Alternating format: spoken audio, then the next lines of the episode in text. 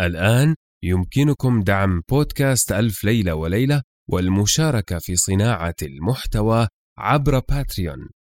الرابط موجود في وصف الحلقة. شكرا لكم شكرا دائما.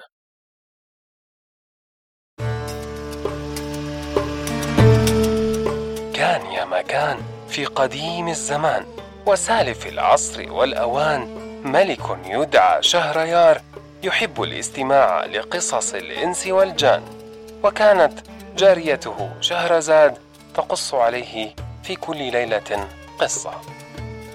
هذا بودكاست ألف ليلة وليلة.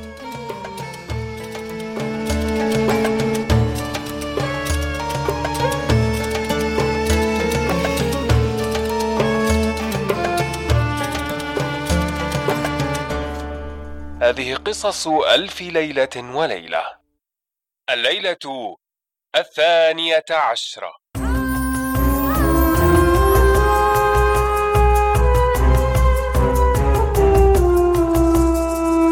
حكاية الحمال مع البنات.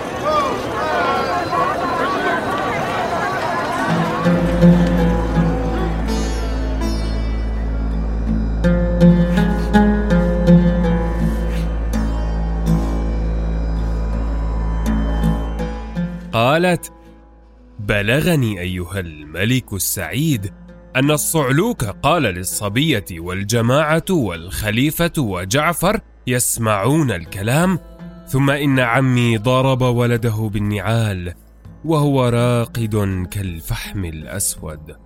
فتعجبت من ضربه وحزنت على ابن عمي حيث صار هو والصبية فحما أسودا ثم قلت بالله يا عمي خفف الهم عن قلبك. فقد اشتغل سري وخاطري بما قد جرى لولدك. وكيف صار هو والصبية فحما أسودا؟ أما يكفيك ما هو فيه حتى تضربه بالنعال؟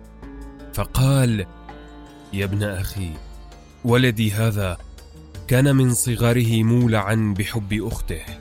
وكنت أنهاه عنها وأقول في نفسي إنهما صغيران فلما كبرا وقع بينهما القبيح وسمعت بذلك ولم أصدق ولكني زجرته زجرا بليغا وقلت له احذر من هذه الفعال القبيحة التي لم يفعلها أحد قبلك ولا يفعلها أحد بعدك وإلا نبقى بين الملوك بالعار والنقصان إلى الممات وتشيع أخبارنا مع الركبان.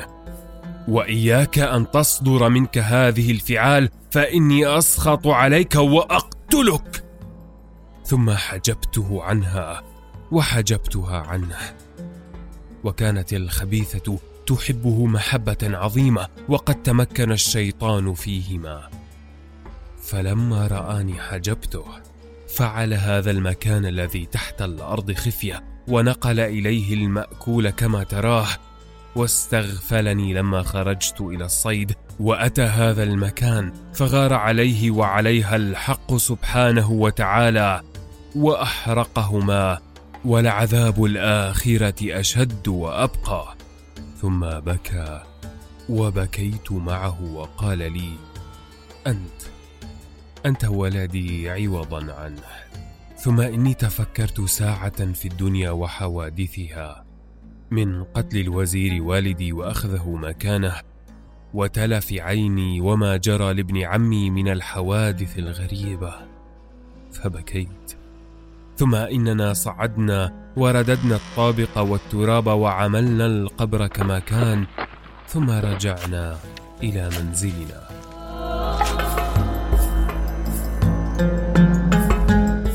فلم يستقر بنا الجلوس حتى سمعنا دق طبول وبوقات ورمحت الأبطال وامتلأت الدنيا بالغبار من حوافر الخيل فحارت عقولنا ولم نعرف الخبر. فسأل الملك عن الخبر فقيل إن وزير أخيك قتله وجمع جميع العسكر والجنود وجاء بعسكره ليهجموا على المدينة في غفلة وأهل المدينة لم يكن لهم طاقة بهم فسلموا إليه. فقلت في نفسي متى وقعت أنا في يده؟ قتلني. وتراكمت علي الأحزان وتذكرت الحوادث التي حدثت لأبي وأمي ولم أعرف كيف العمل. فإن ظهرت عرفني أهل المدينة وعسكر أبي فيسعون في قتلي وهلاكي. فلم أجد شيئا أنجو به إلا حلق ذقني فحلقتها وغيرت ثيابي وخرجت من المدينة وقصدت هذه المدينة والسلام. لعل أحدا يوصلني إلى أمير المؤمنين وخليفه رب العالمين حتى أحكي له قصتي وما جرى لي. فوصلت إلى هذه المدينة في هذه الليلة فوقفت حائرا ولم ادر أين أمضي. وإذا بهذا الصعلوك واقف فسلمت عليه وقلت له أنا غريب. فقال وأنا غريب أيضا. فبينما نحن كذلك وإذا برفيقنا هذا الثالث جاء وسلم علينا وقال أنا غريب. فقلنا له ونحن غريبان. فمشينا وقد هجم علينا الظلام فساقنا القدر إليكم. وهذا سبب حلق ذقني وتلف عيني. فقالت الصبية ملس على رأسك ورح فقال لها لا أروح حتى أسمع خبر غيري. فتعجبوا من حديثه. فقال الخليفة لجعفر والله أنا ما رأيت مثل الذي جرى لهذا الصعلوك. ثم تقدم الصعلوك الثاني وقبل الأرض وقال يا سيدتي أنا ما ولدت أعور. وإنما لي حكايه عجيبة. لو كتبت بالإبر على آماق البصر لكانت عبرة لمن اعتبر.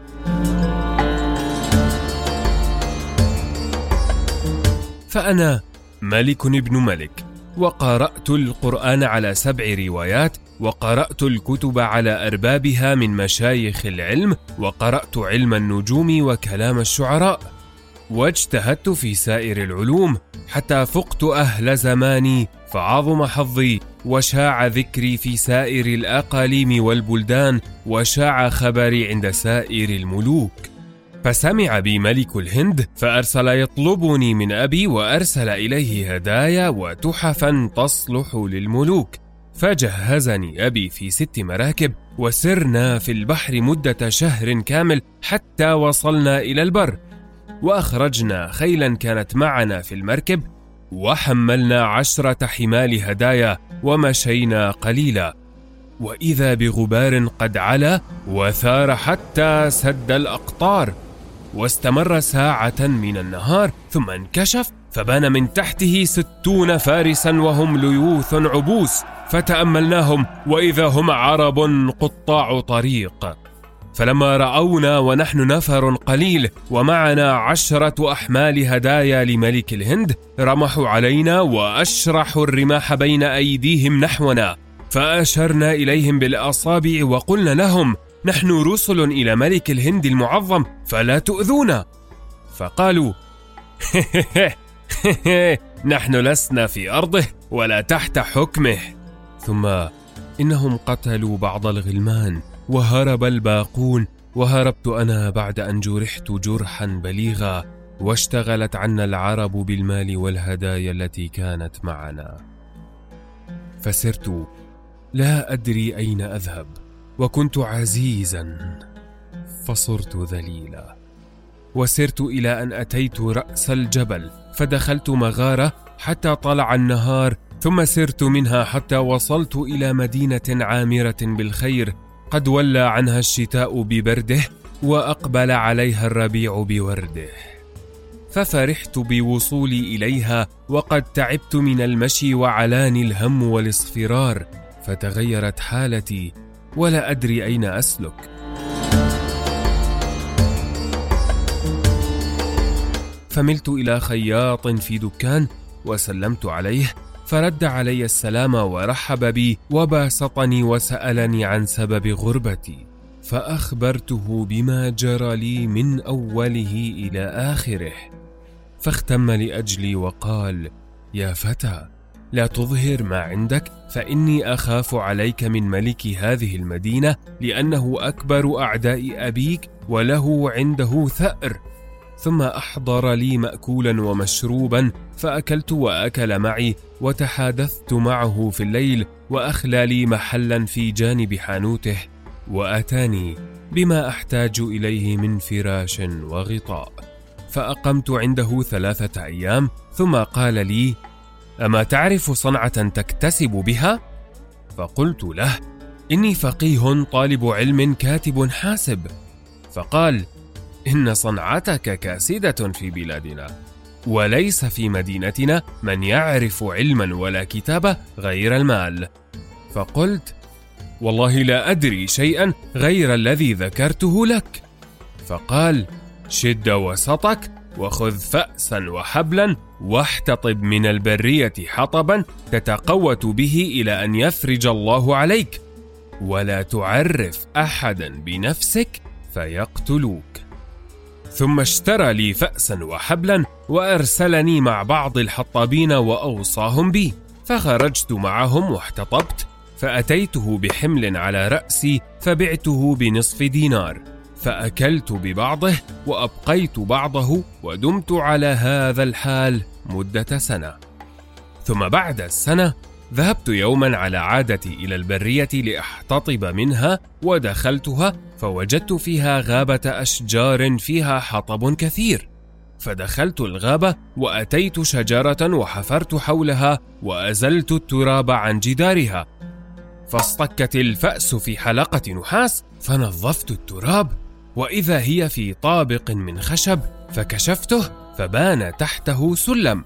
فنزلت إلى أسفل السلم فرأيت بابا فدخلته فرأيت قصرا محكم البنيان. فوجدت فيه صبية كالدرة السنية تنفي عن القلب كل هم وغم وبلية. فلما نظرت إليها سجدت لخالقها لما أبدع فيها من الحسن والجمال. فنظرت إلي وقالت لي أنت إنسي أم جني؟ فقلت لها إنسي. فقالت ومن أوصلك إلى هذا المكان الذي لي فيه خمسة وعشرون سنة ما رأيت فيه إنسيا أبدا. فلما سمعت كلامها وجدت له عذوبة وقلت لها يا سيدتي أوصلني الله إلى منزلك ولعله يزيل همي وغمي. وحكيت لها ما جرى لي من الأول إلى الآخر. فصعب عليها حالي وبكت وقالت أنا الأخرى أعلمك بقصتي. فاعلم أني بنت ملك أقصى الهند صاحب جزيرة الأبنوس وكان قد زوجني بابن عمي فاختطفني ليلة زفافي عفريت اسمه جرجريس ابن رجموس ابن إبليس فطار بي ونزل في هذا المكان ونقل إليه كل ما أحتاج إليه من الحلى والحلل والقماش والمتاع والطعام والشراب. وفي كل عشرة أيام يجيئني مرة فيبيت هنا ليلة. وعاهدني إذا عرضت لي حاجة ليلا أو نهارا أن ألمس بيدي هذين السطرين المكتوبين على القبة فما أرفع يدي حتى أراه عندي. ومنذ كان عندي له اليوم أربعة أيام وبقي له ستة أيام حتى يأتي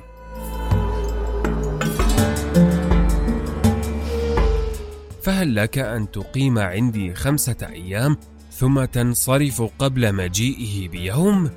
فقلت: نعم، ففرحت ثم نهضت على أقدامها وأخذت بيدي وأدخلتني من باب مقنطر وانتهت بي إلى حمام لطيف ظريف وأتت بسكر ممسك وسقتني ثم قدمت لي مأكولا فأكلنا وتحادثنا ثم قالت لي: نم واسترح فإنك تعبان. فنمت يا سيدتي وقد نسيت ما جرى لي وشكرتها. فلما استيقظت دعوت لها وجلسنا نتحدث ساعة ثم قالت والله إني كنت ضيقة الصدر وأنا تحت الأرض وحدي ولم أجد من يحدثني خمسة وعشرين سنة. فالحمد لله الذي أرسلك إلي. ثم أنشدت. لو علمنا مجيئكم لفرشنا مهجة القلب أو سواد العيون وفرشنا خدودنا والتقينا ليكون المسير فوق الجفون. فلما سمعت شعرها شكرتها وقد تمكنت محبتها في قلبي وذهب عني همي وغمي ثم جلسنا في منادمة إلى الليل. فبت معها ليلة ما رأيت مثلها في عمري وأصبحنا مسرورين فقلت لها هل أطلعك من تحت الأرض وأريحك من هذا الجني؟ فضحكت وقالت اقنع واسكت ففي كل عشرة أيام يوم للعفريت وتسعة لك. فقلت وقد غلب علي الغرام. فأنا في هذه الساعة أكسر هذه القبة التي عليها النقش المكتوب. لعل العفريت يجيء حتى أقتله. فإني موعود بقتل العفاريت. فلما سمعت كلامي أنشدت تقول يا طالبا للفراق مهلا بحيلة قد كفى اشتياق. اصبر فطبع الزمان غدر وآخر الصحبة الفراق. فلما سمعت شعرها لم ألتفت لكلامها بل رفصت القبة رفصا قويا. وأدرك شهرزاد الصباح فسكتت. عن الكلام المباح.